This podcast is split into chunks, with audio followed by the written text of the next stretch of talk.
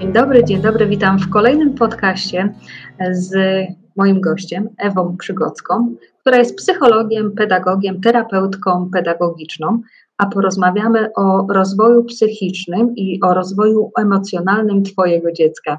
Mówię Twojego, bo pierwsze pytanie, które chcę zadać Ewie, która jeszcze nawet nie zdążyła się przywitać, to e, jak wyglądał rozwój psychiczny i emocjonalny jej dziecka. E, bo najpierw e, troszeczkę odwrócimy tutaj rolę. Cześć Ewa.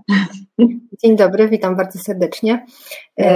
Długi wstęp i już miejsce na, na odpowiedź na moje pytanie. Mhm. E jak wyglądał rozwój psychiczny i emocjonalny mojego dziecka. Myślę, że akurat miałam to szczęście, że e, e, u Natalki przebiegało to książkowo i w odpowiednich ramkach czasowych. E, to, z czym e, teraz gdzieś tam jeszcze e, się borykam, tak, a co będzie tematem i o czym będziemy dalej rozmawiały, czyli ten lęk separacyjny, o którym często mamy mówią w kontekście trudności i w kontekście braku możliwości na znalezienie czasu w samotności, tak, to też jest potrzebna jakaś chwila wytchnienia. No to właśnie będę dalej mówiła, że to się powinno wygasać między drugim, trzecim, czwartym do piątego roku życia. E, I to jest u nas teraz, czyli wyjście do toalety. Jeszcze nie wygasło. Tak, jeszcze nie wygasło. Wyjście moje do toalety dalej, zniknięcie chwilowe wiąże się z tym, że no Natalia biegnie pod drzwi łazienki i, i mnie wywołuje i potrzebuje, żebym była tutaj teraz e, obok niej i, i siedziała najlepiej przy niej, więc no, e, to jest akurat takie wzorcowe, że jeszcze nie wygasło, jeszcze gdzieś tam jest, ale już powinno stopniowo niedługo się wygaszać. A gdzie teraz jest Natalia? W domu. w domu jest Natalka teraz, tak, czeka na mnie. Ciekawe, czy tutaj będzie stuku puku, czy, czy wszystko ok. No ale to tak czasem bywa. Właśnie tak udaje nam się e, ściągnąć prelegentów do tego, by i e, nagrać podcast między obowiązkami i przygotowaniami pewno do świąt. E, ty pracujesz w podejściu skoncentrowanym na rozwiązaniach. Ukończyłaś terapię skoncentrowanej na rozwiązaniach jakby tradycji, tak, oraz e, liczne szkolenia, e, w których na co dzień wspierasz rodziców w ramach właśnie takiej pracy gabinetowej oraz pełnisz najważniejszą i najpiękniejszą e, życiową rolę mamy, o której nam teraz opowiedziałaś. Ja w tym wywiadzie chciałabym poznać pewne teorie, dowiedzieć się, jak to jest z punktu widzenia psychologa, bo E, wiele, u wielu mam e, pojawia się takie pragnienie, że ojejkuś, chcę jak najwięcej wiedzieć i w ten sposób jak najbardziej pomóc swojemu dziecku. Dlatego na czym polega na przykład, i tutaj grubą teorię teraz powiem, teoria przywiązania Bowlbiego, o której już nam troszeczkę chyba wspomniałaś. Mhm. E, no i ja teraz też grubą teorią, że tak powiem, trochę polecę, bo tak sobie pomyślałam, że najpierw warto byłoby powiedzieć, kim był ten John e, Bowlby e, i w jakich czasach żył, co się działo w tych czasach i dlaczego ta jego teoria była dość taka rewolucyjna. Jest to brytyjski, jest, był brytyjski psychiatra i psychoanalityk mm, który interesował się rozwojem dzieci. Żył on e, praktycznie przez cały XX wiek, bo od 1907 do 1990 i te lata, w których on był e, aktywny zawodowo, w których działał, e, wiązały się z tym, że takim głównym nurtem, taką główną dominującą teorią była teoria psychoanalityczna albo podejście takie behawioralne. To nie było w tamtych czasach takie oczywiste. Że przywiązanie jest kwestią wrodzoną, że jest to taka naturalna potrzeba dziecka, y, z którą się rodzi, y, taka instynktowna, trochę pierwotna, można by było powiedzieć, y, a bardziej upatrywano się tego, że ta zależność od rodzica wiąże się z jakimś wtórnym mechanizmem wzmacniania, czyli rodzic jest responsywny na potrzeby dziecka, dziecko się tego uczy, tak? A on stworzył teorię, która mówiła o tym, że mm, na rozwój małego dziecka bardzo duży wpływ ma posiadanie obiektów przywiązania, tak? Czyli to jest mama, tata bądź inny opiekun.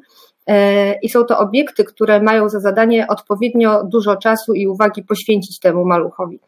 E, on w swojej koncepcji zawarł takie różne style przywiązania. Taki najbardziej pożądany, w zasadzie e, jedyny słuszny to jest styl przywiązania bezpieczny, w którym to ten obiekt przywiązania, figura, mama, tata bądź ktoś inny, kto jest dostępny dla dziecka, e, jest właśnie dostępny, tak? Wrażliwy na jego potrzeby, jego zachowanie jest przewidywalne, wzmacnia się wtedy poczucie bezpieczeństwa u malucha, ponieważ no, on wie, że jeżeli wysyła jakiś sygnał do otoczenia dotyczący tego, że jest jakaś niezaspokojona potrzeba, e, no to ten e, rodzic czy ten inny opiekun, ta figura przywiązania mm, odpowie na to, tak? Odpowiednio zareaguje, jest taka przewidywalność.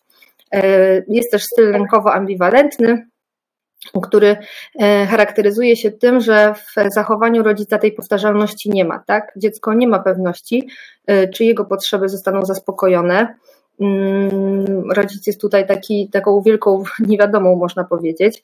I styl, styl zorganizowany, taki skrajny, gdzie opiekun wzbudza strach. Mm, wtedy takie starsze dzieci funkcjonują, jakby cały czas były czymś zagrożone mogą występować ciągłe wybuchy złości albo taka reakcja wręcz odwrotna, typu zamrożenie. I to, co też takie charakterystyczne i ważne, to to, że te, y, te czasy aktywności Wolbiego zbiegły się z takimi eksperymentami na zwierzętach, y, które były wykorzystywane w psychologii. I y, był też taki eksperyment Harlowa na małych małpkach, na rezusach, gdzie Harlow oddzielił małpki od ich matek i stworzył takie dwa rodzaje sztucznych małpek, nazwijmy to, sztucznych matek. E, pierwsza była zrobiona jedynie z drutu, ale dawała mleko. E, natomiast druga była zrobiona z drutu i z jakiegoś takiego miłego, miękkiego materiału, przytulnej, takiej przyjemnej tkaniny dla tych małpek. E, obie były w jakiś sposób sztucznie podgrzewane, to dawało taką wizję, że jednak jest to jakiś żywy organizm i prawdziwa mama. No i e, Hello e, w trakcie tego eksperymentu odkrył, że e, małpki małe mimo wszystko wybierały mamę, która była tą ciepłą, tak, mamą, że tak powiem, tą miękką i miłą. Przychodziły do swojej głównej, tej mamy, która zaspokajała potrzebę związaną z jedzeniem, tylko po to, żeby się najeść i powracały do tej, która dawała im jakieś innego rodzaju, innego rodzaju bliskość i, i przyjemność. I to też daje nam taką informację, że ta potrzeba bliskości, czułości, możliwości, jakiej jest taka wspólna chyba dla wszystkich y, y, istot żyjących. Mm, ważny jest też eksperyment, mm, chyba był on przeprowadzony na szczurach, mm, który dotyczył tego, że zwierzęta te dążyły do kontaktu z matką, e, ze szczurzycą, nawet jeżeli dostawały jakiś nieprzyjemny, jakiś taki awersyjny bodziec, tak? Czyli mimo tego, że to się mogło z czymś negatywnym kojarzyć, to one miały potrzebę do tego, żeby do tej mamy swojej e, dotrzeć. No i to, co też ważne w teorii Bolbiego, to to, że w zasadzie ta teoria stała się, jego koncepcja, podwaliną do tego, żeby stworzyć e, koncepcję traumy. Właśnie, koncepcję traumy. Tu teoria Bowbiego, tu małpki e, Harlowa. E, powiedz mi tak, wiesz, e, po mamowemu, co może zaburzyć budowanie więzi między rodzicem a dzieckiem, żebyśmy tego nie robiły? Mhm. Tak, koncepcja jest taka teoretyczna, więc tutaj przykładając na taki język ludzki i mamowy właśnie, najważniejsze jest to, żeby być responsywnym na te potrzeby dziecka. Tak? To, co może zaburzyć budowanie więzi między dzieckiem a rodzicem, to przede wszystkim brak tej responsywności rodzica na te potrzeby, brak bliskości, brak kontaktu, nieprzewidywalność zachowania rodzica, no czy już tak skrajnie stosowanie przemocy, tak? To są te rzeczy, które mm, mają negatywny wpływ na budowanie więzi, tak? Wytwarzają tą mm, niepożądaną przez nas, tak? Niepożądany przez nas styl przywiązania. Mhm. Bądź responsywny, drogi rodzicu. Tak, to jest e, mhm. takie clue. Mhm. Nie słuchamy rad typu musi się wypłakać. Tak. tak. Reagujemy. Jeżeli dziecko płacze, to znaczy, że daje nam sygnał na to, że coś jest nie tak. Próbujemy mhm. przyczynę. E, Na pewno wiesz, jak wyglądają etapy rozwoju emocjonalnego dziecka. Tak jak pytamy po kolei, jakie są kroki milowe fizjoterapeuty, tak teraz właśnie chciałabym wiedzieć od Ciebie, jak od psychologa, jak to jest z tym mhm. rozwojem emocjonalnym dziecka. Y, jest to niesamowicie rozbudowane pytanie y, i myślę, że na temat właśnie tej y, części psychologii rozwojowej można by wiele mówić i pod różnymi kątami ją rozpatrywać. Jest to taka psychologiczna kubyła, bym powiedziała, tak, jeżeli chodzi o ilość wiedzy i, i, i rozbudowanie tego tematu. Natomiast tak w totalnym skrócie chcę zwrócić uwagę na to, że każde dziecko rozwija się w indywidualny sposób. Mamy jakieś takie ramy czasowe, tak? W przypadku maluchów jakieś miesiące, później jakieś lata, w których dziecko powinno osiągnąć jakieś umiejętności, coś odkryć w swoim umyśle. Natomiast to nie jest powiedziane tak, że na przykład y, w siódmym miesiącu musi być już to, tak? Dziecko ma jakiś czas na zdobycie jakiejś umiejętności. Y, no i ten cykl rozwoju psychicznego, emocjonalnego u dziecka jest taki mm, cykliczny, tak? Jest to naprzemienne mm, odbywanie się stanów takiej równowagi z, ze stanami nierównowagi, tak? czyli tych stanów takich troszeczkę łatwiejszych, dających wytchnienie rodzicowi, e, z tymi stanami e, bardziej wymagającymi. To, co takie jest najważniejsze, to to, żeby w tym pierwszym e, roku dziecka, żeby było to okazywanie przywiązania, tak? Ten e, uśmiech, odwzajemnienie uśmiechu, obserwacja twarzy, okazywanie radości z kontaktu, tak? E, tutaj też się pojawi ten lęk separacyjny między siódmym a dwunastym miesiącem Później jest taka gdzieś tam e, chwila wytchnienia, tak? Ten dwulatek jest e, dający dużo radości rodzicom, bo jest już i mocno komunikatywny i porusza się samodzielnie. E, natomiast ten wiek 2,5 to jest ten tak zwany, ja mówię, tak, bunt dwulatka, bo oficjalnie coś takiego nie istnieje, natomiast jest to ten moment, w którym dziecko odkrywa swoją autonomię. Jest to ten moment nierównowagi, ten trudniejszy troszeczkę dla rodziców. Później trzylatek, czyli ten okres takiego względnego spokoju, czterolatek, często w literaturze opisywany jest jako dziecko nie do opanowania, tak? Tutaj też może się pojawić jakieś takie zachowania związane z trudnością w regulacji emocji. Dzieci mogą bić, kopać. Później znowu chwila równowagi po to, żeby w wieku 5,5-6 pojawił się kolejny kryzys gdzieś tam w zachowaniu. E, no też każdy e, wiek e, ma swoje charakterystyczne lęki, które tam mogą wystąpić, czy to związane właśnie z, z, z naturą słuchową, tak? Jakieś głośne dźwięki w wieku dwóch lat, przestrzenne, jakaś zabawka, która zmieniła miejsce tak? Położenia, nie wiem, coś się zmieniło w domu, to też może wystraszyć, że było gdzieś indziej związane z ludźmi, czyli ten wyjazd mamy, tak, tam zniknięcie z oczu, e, czyli ten lęk separacyjny też e, poniekąd. E, później mogą być lęki wizualne, zwierzęta. Mm, gdzieś tam dalej będzie się przyplatało wyjście rodzica do momentu, kiedy to się nie powinno już wygasić, aż w końcu mm, Mm, aż w końcu mm, pojawi się mniej lęków i nie będą one tak intensywne w wieku około 8-9 lat, czyli w tym okresie wczesnoszkolnym. Tak, ten etap e, tych, e, tego rozwoju to takie umiejętności, które się osiąga i one są płynne w zależności od tego, mm, jak, w jakim otoczeniu też wzrasta dane dziecko. E, dlatego ja tradycyjnie tak poproszę o taką odpowiedź jak mama dla mamy. E, czy coś powinno mnie zaniepokoić e, w rozwoju e, swojego dziecka, co mogłabym zauważyć i szybko udać się do specjalisty? Mhm. Myślę, że tutaj ponownie powinnam podkreślić to, że każde dziecko rozwija się indywidualnie i w swoim tempie, ale ja też zwracam uwagę na ogromną moc intuicji rodzica. Tak, mhm. jeżeli rodzic ma jakąś myśl, jakąkolwiek, że coś jest nie tak, coś powinno inaczej gdzieś tutaj e, wybrzmieć, coś powinno być inaczej.